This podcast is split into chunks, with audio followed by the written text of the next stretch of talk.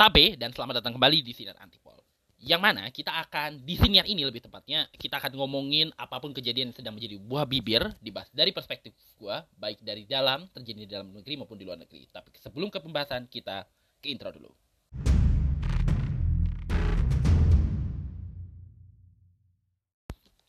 Gua harapkan pembahasan kali ini gak berat. Uh, kedua, uh, semoga tetap ada konteksnya. Ketiga, uh, ya semoga aman-aman aja setelah dirilis. Uh, kita akan ngomongin tentang uh, masih soal kasus Mahkamah Konstitusi ya, yang uh, sebenarnya gue udah pernah ngebahas Mahkamah Konstitusi dulu ya tahun 2022 di sinian Antipol juga waktu itu ada gugatan-gugatan konteksnya waktu itu gugatan-gugatan yang berkaitan dengan peraturan pemerintah tuh banyak yang mentah di MK. Di saat bersamaan eh, ketuanya ini secara kebetulan eh, meni istilahnya tuh ya kejadian mirip kayak bokap gue juga gitu setelah istri pertama yang meninggal gitu ya terus mungkin karena nggak tahan atau mungkin karena juga mungkin ada anak yang masih kecil gitu ya yang masih dibesarkan dan mungkin kerepotan akhirnya memutuskan untuk menikah lagi. Nah nikahnya sama salah satu kerabatnya presiden presiden Jokowi sehingga ya potensi konflik of interestnya ini kerasa lah gitu kurang lebihnya. Cuma yang kali ini nih beda banget dan kelihatannya oleh sebagian pihak dan belakangan beberapa pihak ini terutama ya yang selama ini cukup dekat dengan elit yang berkuasa gitu ya sebut saja uh, elit pemerintahan Pak Jokowi akhirnya baru bersuara setelah sekian lama gitu. Yang prediksi gua bersuaranya itu karena uh, yang satu tentu karena kecewa karena tidak menyangka orang yang selama ini mereka uh, dukung ternyata membiarkan perselingkuhan ini terjadi gitu ya dalam tanda kutip perselingkuhan ini terjadi gitu ya. Da, uh, sesuatu yang tidak ha, menyalahi normal lagi gitu terjadi uh, di saat bersamaan mereka juga sebenarnya udah udah pingin bersuara lah berkaitan dengan masalah ini. Cuma mereka harus mau nggak mau suka nggak suka harus menggunakan cara-cara yang tersirat gitu. Tapi tersurat karena ya mungkin karena mendapatkan tekanan dan sebagainya. Yang ya pre prediksi gue kritik-kritik yang kemudian bertaburan saat ini terutama dari orang-orang yang selama ini cukup memihak pemerintah gitu terlihat ada di sisi pemerintah itu ya lebih karena apa yang selama ini juga baik disuarakan soal masyarakat kita yang kononnya agak kuartir bersuara takut dirujak. Yang ngerujak siapa Uh, boleh jadi bukan yang berkuasa saat ini, tapi pendukung-pendukung penguasa yang memperalat kekuasaan untuk ya lu ngerti lah cara kerjanya kan lu pasti paham.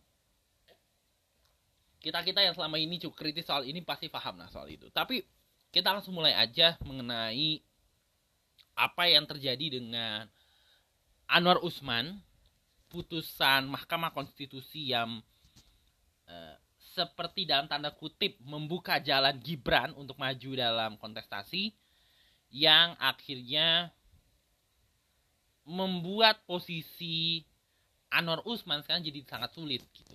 Dan kalaupun uh, kemudian terjadi peralihan kuasa kelak dan masa jabatannya berakhir, sangat sulit untuk peluang dia kembali lagi ke ke ke dalam posisi di kekuasaan kehakiman karena namanya udah terlanjur jelek gitu kalau ya walaupun ya ya bukan Indonesia lah kalau nggak ada memahami dan memaklumi satu kesalahan gitu ya.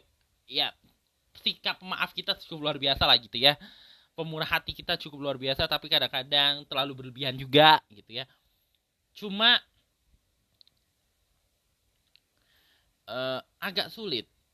Walaupun mungkin untuk beberapa tahun ke depan mungkin lain lagi ceritanya. Kalau kata Pak Adi Praitno, masyarakat kita tuh uh, tahu bahwa ada masalah ini, tapi nggak jadi pertimbangan utama dalam memilih pada akhirnya. Sehingga ketika ada orang-orang yang coba mengingatkan, eh ini kan ada dosanya, eh si itu ada dosanya, mungkin orang istilahnya I don't care gitu kita fokus pada apa yang ditawarkan hari ini bukan apa yang terjadi di masa lalu gitu kurang lebihnya. Kalau kata uh, mantan dosen saya Pak Adi Prayitno itu ya. Nah tapi kita langsung nyambung aja ke masalah. Jadi kan kemarin itu uh, mah majelis kehormatan Mahkamah Konstitusi. Nah majelis kehormatan Mahkamah Konstitusi ini uh, menyelidiki buntut daripada gugatan uh, mengenai pilpres, lebih tepatnya gugatan batas usia yang janggal dan ada uh, konflik of interest kemungkinan di dalam uh, pengambilan keputusannya, akhirnya menimbulkan reaksi yang cukup besar. Uh, sebenarnya beberapa pihak sudah memprediksi soal ini gitu. Cuma kitanya jadi nggak awas. Terlalu optimistis juga sebetulnya. Karena waktu gugatan pertama, sebenarnya kan yang menggugat soal batas usia capres ini bukan hanya satu pihak, ada beberapa pihak. Uh, yang satu meminta pengurangan usia. Itu yang melakukan Partai Garuda, PSI. Dua partai ini kebetulan uh, berhimpun di koalisi Indonesia Maju mendukung Prabowo dan ada beberapa kepala daerah. Salah satunya dimotori sama Kang Bima Arya, ketua uh, Apexi. Ini intinya beberapa wali kota lah yang uh, mengajukan juga sebetulnya sih lebih kepada agar syarat kepala daerah ini bisa diterima gitu kurang lebihnya sebagai persyaratan calon presiden untuk mendaftar calon presiden maupun calon wapres walaupun usianya belum 40 tahun. Uh, nah, terus ada gugatan lagi beberapa pihak termasuk uh, soal batas maksimum dan batas minimum. Nah,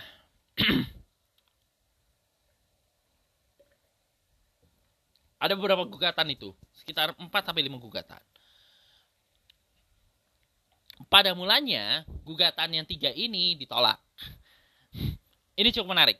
Jadi tiga ini kan yang mengajukan orang partai yang pasti sudah buat kajian strategis segala macam.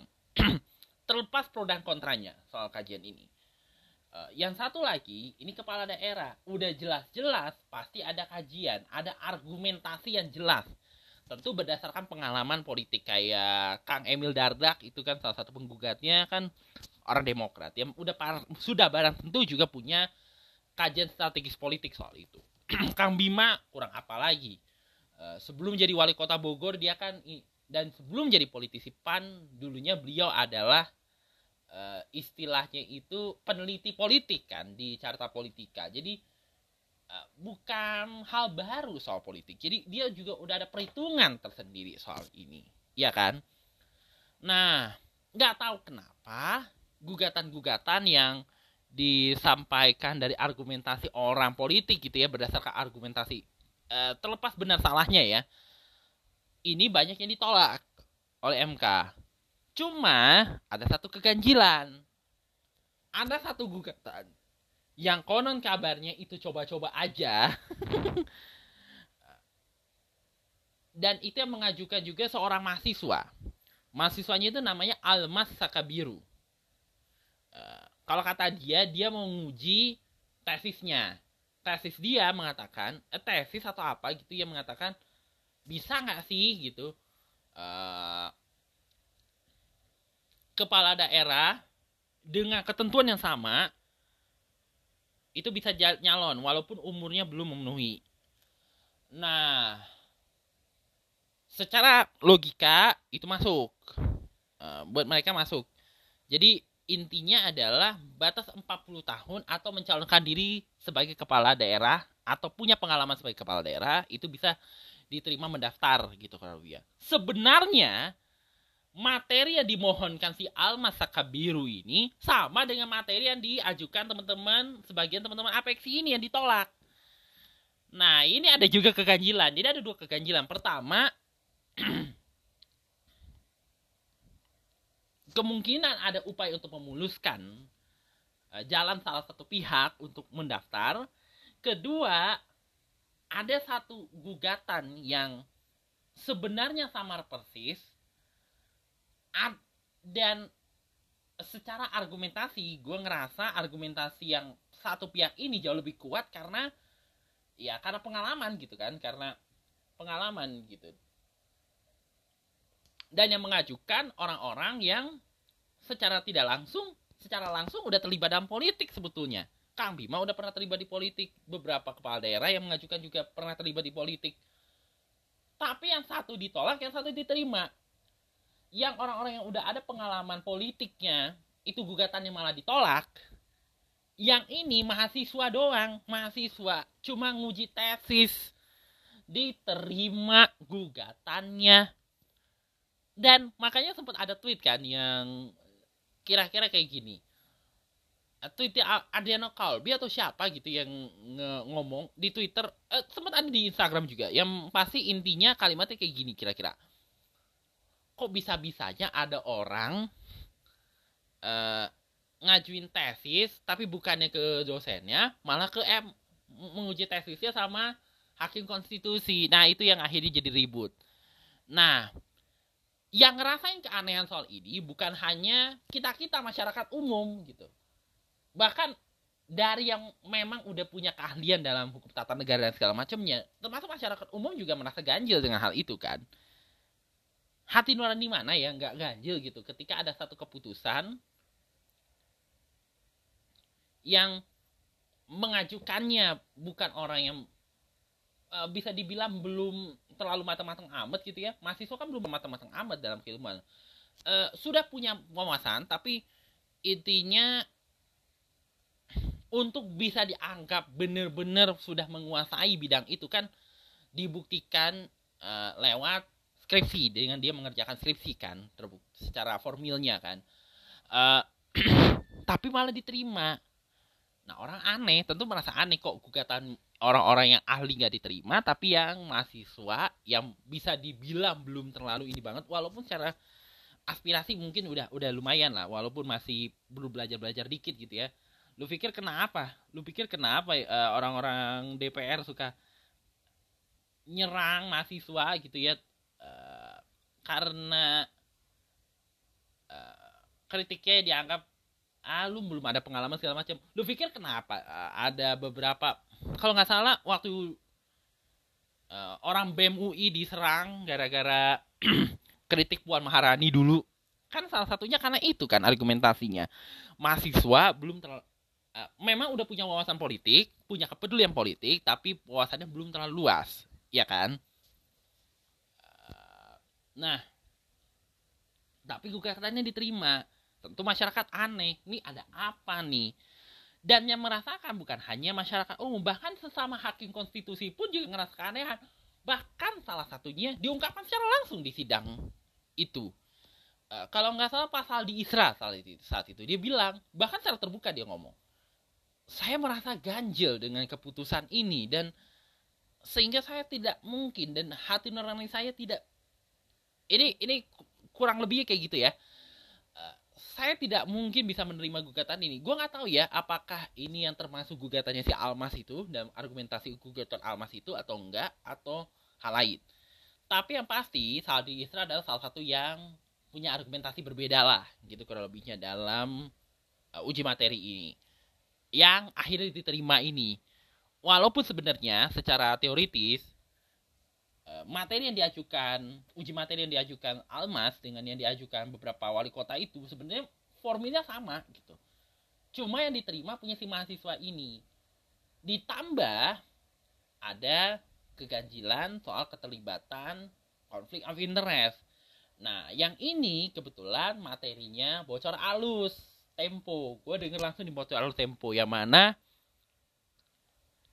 aromanya kecium banget gitu kan uh, secara teoritisnya kayak gini kurang lebihnya. Kan sebelum uh, kemudian nama Gibran ini mencuat kan sempat ada kan dulu dan ini kan dulu juga sempat ramai kan sampai ada demo 11 April kan salah satu pencetus dicetuskan kejadian ini kan. Yaitu wacana perpanjangan masa jabatan presiden. Yang mana PDIP eh, akhirnya buka suara yang memang ada soal fakta soal usulan itu memang ada dan analisanya adalah analisa big data disebutnya yang sempat disinggung sama Pak dulu. Nah, ada dua teoritis kenapa ini bisa terjadi.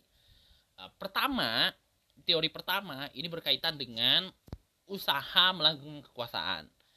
Uh, konteksnya adalah Pak Jokowi kan cukup menguat ya, secara dalam uh, survei kepemimpinan nasional cukup menguat. Di atasnya Prabowo Subianto. Nah, ada ide dari sejumlah pihak yang mana beberapa pihak ini kebetulan berada sekarang berada dalam koalisi Indonesia Maju yang menginginkan supaya Jokowi bisa maju lagi untuk periode ketiga. Tapi karena sentimen publiknya sudah negatif dan mereka tahu kalau udah peng, uh, masa jabatan ketiga sudah pasti ada permainan-permainan kuasa karena dan sudah barang tentu salah satu dugaannya karena untuk mengamankan kepentingan-kepentingan beberapa pihak dalam proyek-proyek besar. Karena kan pemerintah membuat uh, udah mulai merancang IKN terus dan segala macamnya. Ada upaya mengamankan kepentingan. Sehingga banyak penolakan. Ya kan? Nah Presiden Jokowi yang dikatakan pada awalnya cukup gaya bersambut akhirnya menolak usulan itu karena memang tekanan publik kan. Eh, semakin besar tekanan publik maka semakin besar pula kemungkinan orang ini beralih pandangan itu cukup besar. Sesuatu yang sering kita sebut sebagai inkonsistensi kan. Nah kemudian eh, kan teori uh, upaya skenario tiga periode ini gagal. Nah jalanlah skenario kedua yaitu bagaimana caranya supaya kepentingan keberlanjutan ini tetap uh, agenda keberlanjutan ini tetap berjalan. Nah, salah satunya adalah dengan kemungkinan besar ini prediksi gua ya secara analitik uh, prediksi gua adalah memanfaatkan persandingan keluarganya presiden salah satu anak anggota keluarga presiden dengan petinggi lembaga negara yang punya peran vital dalam hal ini adalah Pak Anwar Usman, ketua KPK, eh, ketua Mahkamah Konstitusi yang sudah jadi mantan ketua Mahkamah Konstitusi karena udah diberhentikan, eh, yang menikah dengan salah satu anggota keluarga Jokowi. Nah, perkawinan ini kelihatannya ini prediksi gua ya boleh jadi salah juga dimanfaatkanlah peran beliau sebagai ketua MK untuk memuluskan jalan gimana agenda keberlanjutan ini bisa berjalan yang kemungkinan memang Eh, tercium ada aroma uh, keterlibatan alat negara dan orang-orang dalamnya pemerintahan Pak Jokowi. Karena di bocor alus itu kan sempat diungkapkan itu kan bahwa memang ada skenario untuk memuluskan pencalonannya Gibran. Dan sebagian besarnya digerakkan oleh orang-orang istana. Salah satu yang disebut adalah Pratikno Menteri Sekretaris Negara. Uh, yang dikatakan karena sudah tahu sebenarnya isu soal uh, keputusan MK ini sebenarnya sudah diketahui beberapa minggu sebelum putusan. Makanya sempat ramai kan dan menuntut independensi MK walaupun pada akhirnya memang terjadi juga putusan itu cuma dari sisi koalisi Indonesia Maju konon kabarnya melihat situasi sebenarnya diharapkan bisa mengumumkan. Udah ada putusannya nih. Jadi lu mau ngumumin cawapres si Gibran itu oke oke aja gitu kurang lebihnya. Cuma uh, akhirnya baru diumumkan di minggu berikutnya karena yaitu tadi karena sentimennya cukup negatif. Dan sayangnya menurut gue usaha untuk meredam sentimen negatif dalam seminggu ini uh, sejauh yang bahkan sampai siniar ini direkam pun kelihatannya gagal. Walaupun dengan uh, upaya kelihatannya sih gue kan jujur gak terlalu mengikuti ya uh, aku. Walaupun gue follow Pak Prabowo ya di sinar antipol tapi gue gak terlalu mengikuti lah kegiatan Pak Prabowo. Apalagi Gibran Raka Buming gitu ya dalam kampanye. Tapi gue baca-baca lah gitu kurang lebihnya soal uh, manuver yang dilakukan oleh tim kampanye nasionalnya Prabowo Gibran untuk memenangkan paslon ini. Ya modalnya tentu daripada elektabilitas yang meningkat dan segala macamnya. Walaupun di tengah isu negatif yang mendera mereka. Walau bagaimanapun sentimen negatif itu tetap terasa gitu pada akhirnya. Termasuk di pendukungnya Ganjar Mahfud maupun pendukungnya Amin. Iya kan? Lu pikir kenapa sampai dipasang apa sih namanya? Ya kurang lebihnya lu pikir kenapa sampai dipasang ada spanduk de demokrasi tanpa dinasti di dekat kantornya si uh, relawan Prabowo Gibran? Ya kan kan gara-gara itu kan salah satunya. Nah setelah munculnya reaksi itu muncullah akhirnya terbentuklah Majelis Kehormatan Mahkamah Konstitusi yang salah satu anggota yang mana anggotanya adalah mantan-mantan uh, petinggi Mahkamah Konstitusi lah, termasuk Pak Wahidudin Adams yang sebetulnya juga terlapor dalam kejadian ini. Uh, dipimpin oleh mantan ketua MK yaitu Pak Jemle Asyidiki uh, dan menyelidikilah kasus ini gitu ya. Yang mana menariknya kalau kata Pak Jemle Asyidiki itu belum pernah dalam sejarah ini gue baca di Kompas sebetulnya belum pernah dalam sejarah semua hakim MK dilaporkan terkait dengan pelanggaran etik. Eh, dalam hal ini berkaitan dengan putusan yang kontroversial itu tadi, yang uh, disentil sebagai mahkamah keluarga itu kan. Nah, kemudian terjadi pemeriksaan-pemeriksaan, terusnya publik mengawal gitu ya, memastikan sebenarnya sih kalau kata beberapa pihak sih untuk memastikan uh, eh, MK-MK tidak jadi WKWK gitu kurang lebihnya. Nah, terusnya uh, akhirnya diselidiki. Ini gue lagi nyari data berkaitan dengan kasus ini ya di Instagram gue. Soalnya gue sempat baca ada data berkaitan dengan kasus ini juga gitu ya. Uh, terkait uh, laporan pelanggaran yang jelas ada 9 sampai 10 pihak gitu yang melaporkan. Uh, para hakim MK. Semuanya yang tadi dibilang sama Pak Jimli Asyidiki semua hakim dilaporkan melakukan pelanggaran. Biasanya dalam kasus uh, gue belum selain uh, setahu gue uh, terakhir kali kan MK itu kan tersangkut masalah uh, yang agak serius itu kan waktu kasusnya Akil Mukhtar kan yang disuap karena uh, gugatan karena masalahnya Bu ini ya Bu Atut waktu itu. Terakhir itu mas uh, eh, MK bermasalah. Uh, kalau sekarang ini sebenarnya ironi bisa dibilang kayak siklus 10 tahun MK itu selalu ada ada ada sedikit ada sedikit goncangan lah gitu kurang lebihnya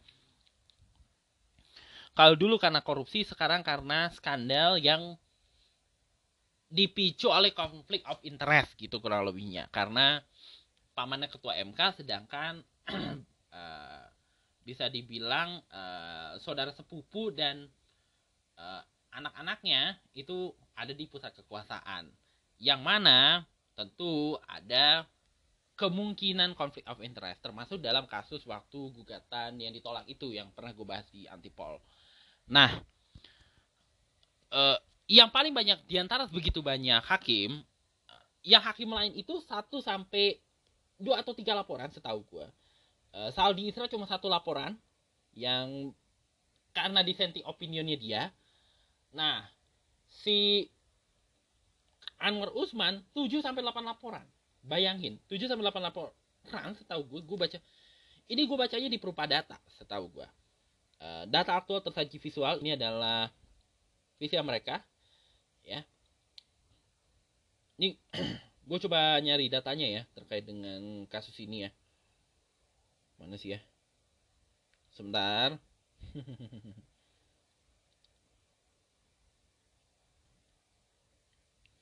Nah eh, kemudian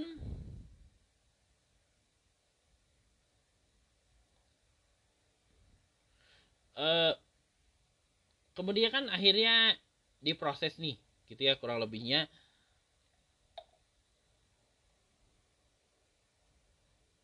Uh, soal kasus ini gitu kurang lebihnya. Kok kurang lebihnya sih?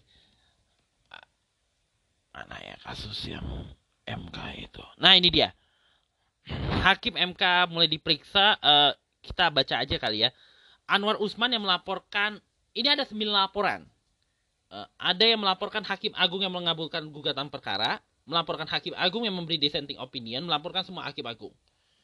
Uh, pelapornya tim advokasi peduli pemilu, uh, terus ada pelaporan dari Pusat Bantuan Hukum dan HAM Indonesia, terus dari Advokasi Rakyat untuk Nusantara, Perhimpunan Pemuda Madani, Perkat Nusantara dan Tim Pembela Demokrasi Indonesia, Integrity Indrayana Center dan Indrayana, Tim Advokasi Peduli Hukum Indonesia, uh, eh, LBH Cipta Karya Keadilan dan Lingkar Nusantara. Nah, uh, Anwar Usman itu ada tujuh laporan, uh, terima ada eh tujuh laporan sih ini, enam laporan paling banyak yang dilaporkan. Uh, keduanya Saldi Isra empat, uh, Arif Hidayat dua, Soehartoyo satu, Wahidudin Adam satu, cukup menarik ya. Anggota mahkamah pun kena juga. Eni Nurbaningsi satu, Manahan Sitompul satu, Guntur Hamzah satu, dan Daniel Yusmik satu. Nah, ini kan akhirnya diperiksakan terkait dengan masalah ini. E, prosesnya cukup cukup uh, kayaknya satu sampai dua minggu lah pem, pemeriksaannya. Nah, putusannya akhirnya keluar juga ini gue akan baca laporannya berupa data. Putusan yang ditunggu-tunggu itu datang juga. Majelis Kehormatan Mahkamah Konstitusi memutus Ketua MK Anwar Usman melakukan pelanggaran etik berat. Sanksinya pemberhentian sebagai Ketua MK. Wakil Ketua MK diminta segera menggelar pemilihan pimpinan MK paling lambat Kamis ini. Uh, ini lima hari yang lalu lap, uh, beritanya gue baca di uh, data. Anwar Usman dilarang atau dicalonkan mencalonkan atau dijalankan sebagai pimpinan dan menangani perkara terkait pemilu.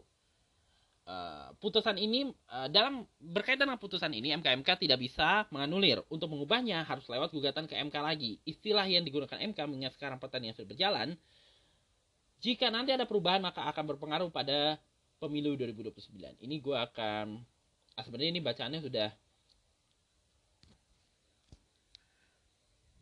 terus uh, sanksi yang diterima juga para hakim MK selain uh, ada yang menerima tergusuran lisan gitu ya. Uh, putusan satu terlapor semua hakim. Ini terkait dengan bocornya rapat pemusyawaratan hakim yang sempat rame itu. Semua terima tergusuran lisan. Uh, Anwar Usman itu diberhentikan. Nah, sebenarnya ada satu lagi laporan berkaitan dengan dissenting opinionnya si uh, Saldi Isra yang diputuskan tidak ada unsur pelanggaran karena ya itu yang ada pelanggaran aja gitu. Tapi yang paling berat adalah Anwar Usman karena enam laporan ditambah lagi adalah uh, ini gosip yang gue sempat dibahas juga di siniarnya uh, bocor alus bahwa ada uh, intervensi rapat. Jadi ada satu rapat yang seharusnya bukan uh, dia nggak nanganin, tapi ada tapi dia yang akhirnya menangani memimpin langsung. Awalnya semua gugatan ditolak. Cuma satu putusan berubah pendiriannya setelah katanya setelah Anwar Usman maju. Uh, setahu gua Saldi Isra ngomong ini juga, seingat gua juga semoga kalau ada kesalahan mungkin bisa dikoreksi juga. Seingat gue Arif Hidayat juga ngomong ini juga. Makanya dia bilang situasi MK ini lagi agak berkabung katanya kan. Nah terus kemudiannya eh, nah dari intervensi ini bisa dibilang ada kemungkinan bahwa ya terjadi uh, upaya lah gitu. Bisa disimpulkan bahwa ada upaya ke arah situ. Kan tadi kita uh, bicara sedikit skenario ya. Uh, ada dua skenario sebenarnya untuk mendorong keberlanjutan ini. Yang kelihatannya dijalankan untuk memuluskan agenda keberlanjutan ini. Yang kemungkinan dilakukan oleh pendukungnya Pak Jokowi yang bisa jadi banyak kebanyakannya memang menikmati daripada kue istilah populernya tuh status quo gitu kurang lebihnya. Uh, status quo udah nyaman dan takut kenyamanan itu uh, terenggut karena kan perubahan pasti akan berdampak kepada banyak perubahan di termasuk tentang pendapatan dan sebagainya. Nah, skenario pertama yang tadi tiga periode karena udah ketolak maka bagaimana caranya supaya agenda ini berjalan dengan cara salah satunya adalah dengan cara mendorong salah satu anggota keluarga ini untuk maju. Dengan ya kemungkinan besar seperti yang tadi gue bilang memanfaatkan jabatan salah satu orang yang ada dalam keluarga ini. Dalam hal ini Anwar Usman eh, dinilai punya potensi besar kan dia ketua MK kedua dia kebetulan dekat dengan presiden. Nah eh, putusan uh, seperti yang kita tahu juga putusan ini secara tidak langsung membuat uh, independensi Pak Jokowi sebagai presiden dan kenetralannya jadi dipertanyakan. Karena pada akhirnya mau nggak mau kan ini akhirnya jadi memuluskan anaknya gitu. Walaupun uh, dalam hal ini anaknya Gibran jadi mulus kan pencalonannya kan sebagai cawapres.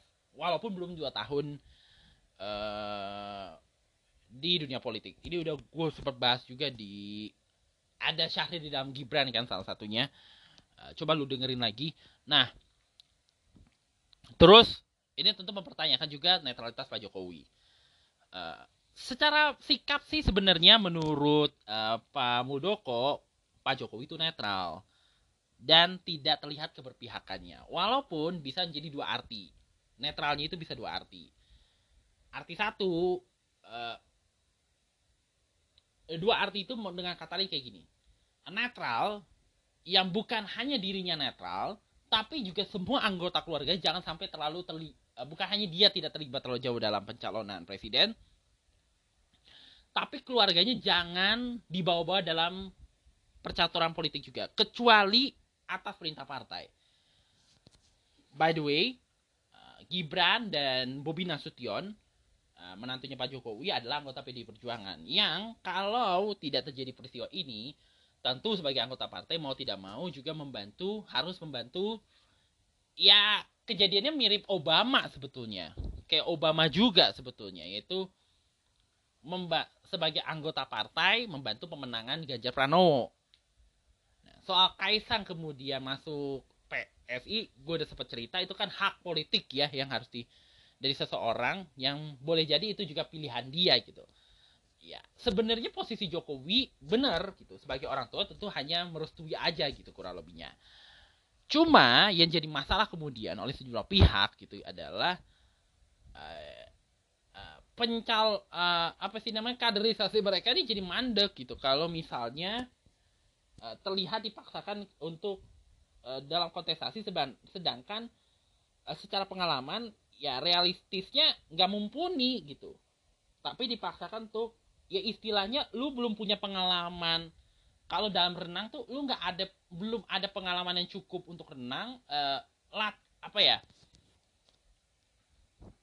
Apa ya? Pengalaman dasarnya atau apa sih namanya? Uh, ilmu dasarnya aja lu belum masih berantakan tapi disuruh nyebur. Nah itu dia. Eh kayak gua lah kalau lagi latihan renang itu. Itu itu Gibran itu mirip gue kalau lagi latihan renang gak terlalu punya ilmu dasarnya ada tapi nggak cukup tapi di pasar renang. Renangnya bukan lagi ke kalau isti kalau di Sayonara Crawl itu ada istilahnya kolam renang sekolah gitu. Lu ilmu dasarnya masih untuk kolam renang sekolah gitu ke sekolahan gitu atau kayak kolam renang yang biasa kita ngambil nilai ini apa sih apa sih itu namanya? Ngambil nilai pelajaran renang. Olahraga tuh yang katanya uangnya kadang-kadang suka apa digelumbungin sama guru olahraga tuh. Itu kan cerita klasik kita ya anak SD tapi lu ilmunya masih baru cukup untuk menguasai kolam renang Olympic size tapi udah disuruh berenang di lautan luas. Ilmu lu belum cukup. Kan ya gimana gitu kan apalagi kenyataan bahwa lu dipaksa berenang itu dengan cara-cara yang dengan ilmu-ilmu yang sebenarnya eh ini SOP-nya salah gitu. SOP-nya udah salah gitu istilahnya. Nah kayak gitu gue menggambarkan uh, cara gue menginterpretasi apa yang terjadi dengan pencalonan Gibran. Udah mah disuruh berenang uh, ke lautan tapi ilmunya masih uh, belum cukup untuk berenang ke lautan luas tapi ditambah lagi berenangnya dengan SOP yang salah. Nah itu yang akhirnya membuat publiknya banyak yang kecewa pada akhirnya. Terus ada yang sampai buka baju karena marah gitu ya. Terutama kemungkinan marahnya juga uh, ke orang-orang yang yang mendukung Jokowi yang uh, seperti membenarkan kesalahan yang SOP ini gitu. Nah, di sisi lain secara tidak langsung tentu ini akan berdampak kepada Pak Jokowi. Walaupun secara politik Pak Jokowi tidak terlibat apa-apa. Walaupun netralnya uh, tapi di sisi lain netralnya Pak Jokowi itu maksud gue bisa ada dua arti. Arti pertama yang tadi gue bilang gitu tidak melibatkan anak-anaknya kayak ya jatuhnya kayak Pak SBY gitu kan. Dulu kan sempat ada isu ibu ah, memang pada akhirnya salah satu kerabat ibu Ani maju kan tapi keluarganya secara langsung tidak terlibat gitu ya. Dalam uh, pencalonan konvensi Demokrat dulu. Uh, bisa aja gitu. Tapi kan kenyataannya ya seperti yang kita lihat gitu ya. Atau yang kedua netral dengan ya netral dengan kata lain netralnya itu tidak terlibat apa pun yang terjadi di dunia pilpres gitu dalam pertarungan pilpres sekalipun menyeret keluarga presiden gua nggak peduli walaupun mungkin resikonya akan berdampak buruk pada penilaian orang terhadap presiden Jokowi. Seakan-akan Pak Jokowi itu kayak memuluskan upaya pelanggaran kekuasaan dengan cara-cara yang tidak betul. Nah ini yang akhirnya jadi persoalan. Sekalipun yang sebenarnya menurut gua bukan sekalipun ya Eh, sekalipun cara penyelesaiannya adalah dengan mengajak semua calon presiden dan calon wakil presiden makan bareng pun, gue curiganya ini gak akan menyelesaikan masalah pada akhirnya. Tidak akan mem membuat orang uh, kalau istilahnya F. Susah banget untuk mengobati hati yang patah gitu kalau proses politiknya udah mematahkan hati orang itu susah banget untuk menyembuhkan bahkan dengan empat bulan masa kampanye pun waktu masa kampanye pun mungkin akan susah pada akhirnya jadi kisah mahkamah keluarga ini walaupun berakhir dengan pemecatan penghalauan gitu ya menghalau Anwar Usman daripada mengurus perkara-perkara berkaitan pemilu bahkan uh, dicabut kekuasaannya dan digantikan oleh pihak lain ya yang mana yang terpilih ini adalah hakim yang terlibat dalam dissenting opinion berkaitan putusannya Al-Masaka Biru. Tetapi tentu putusan MK ini secara tidak langsung akan memberi dampak negatif kepada Pak Jokowi karena walaupun Pak Jokowi secara politik terlihat netral, uh, netralnya itu terlihat seperti dua arti gitu. Pertama lepas tangan atau enggak kalau misalnya benar-benar netral ya harusnya tidak boleh idealnya ya melakukan seperti Pak SBY melarang semua anak-anaknya terlibat dalam uh, pencalonan. Kalau misalnya mau mencalonkan dihalangi lah gitu istilahnya. Tapi kan yang terjadi kemudian Gibran akhirnya maju. Terus si Kaisang si Bobi Nasution akhirnya juga terlibat. Yang secara tidak langsung kan kayak Pak Jokowi netral tapi netralnya tuh kayak lepas tangan aja gitu atas apa yang terjadi. Uh, gua nggak mau terlibat. Ya secara tidak langsung sikap lepas tangannya itu membuat publik jadi makin curiga gitu. Jangan-jangan Pak Jokowi sebenarnya setuju. Tapi kok tapi pura-pura tidak setuju agar tidak terjadi konflik gitu. Walaupun potensi konfliknya udah nyata dan terlihat gitu. Jadi menurut gua eh, dari kasus Mahkamah Keluarga ini kasus Mahkamah Keluarga yang berakhir sebenarnya agak manis walaupun hasilnya memang tetap tidak manis-manis juga menurut gua uh, memberi pelajar uh, harusnya mengilhami kita untuk lebih berhati-hati dalam memilih lah gitu ya. Sekarang udah tersedia tiga pilihan nih. Ada yang udah punya pengalaman yang cukup besar gitu ya di di aktivisme udah pernah di po, di parlemen ada yang udah pernah uh, di kekuasaan udah pernah jadi menteri jadi gubernur ada satu pihak lagi yang uh, pengalaman aktivis politiknya juga cukup baik dan kemudian dipercaya jadi gubernur, pernah jadi anggota dewan. ada yang pernah jadi ketua MK ada yang jadi anggota pernah jadi anggota dewan juga pernah jadi menteri beberapa kali. Dan sekarang ada yang baru jadi menteri lima tahun tapi pengalaman politiknya udah cukup lumayan pernah ikut konvensi.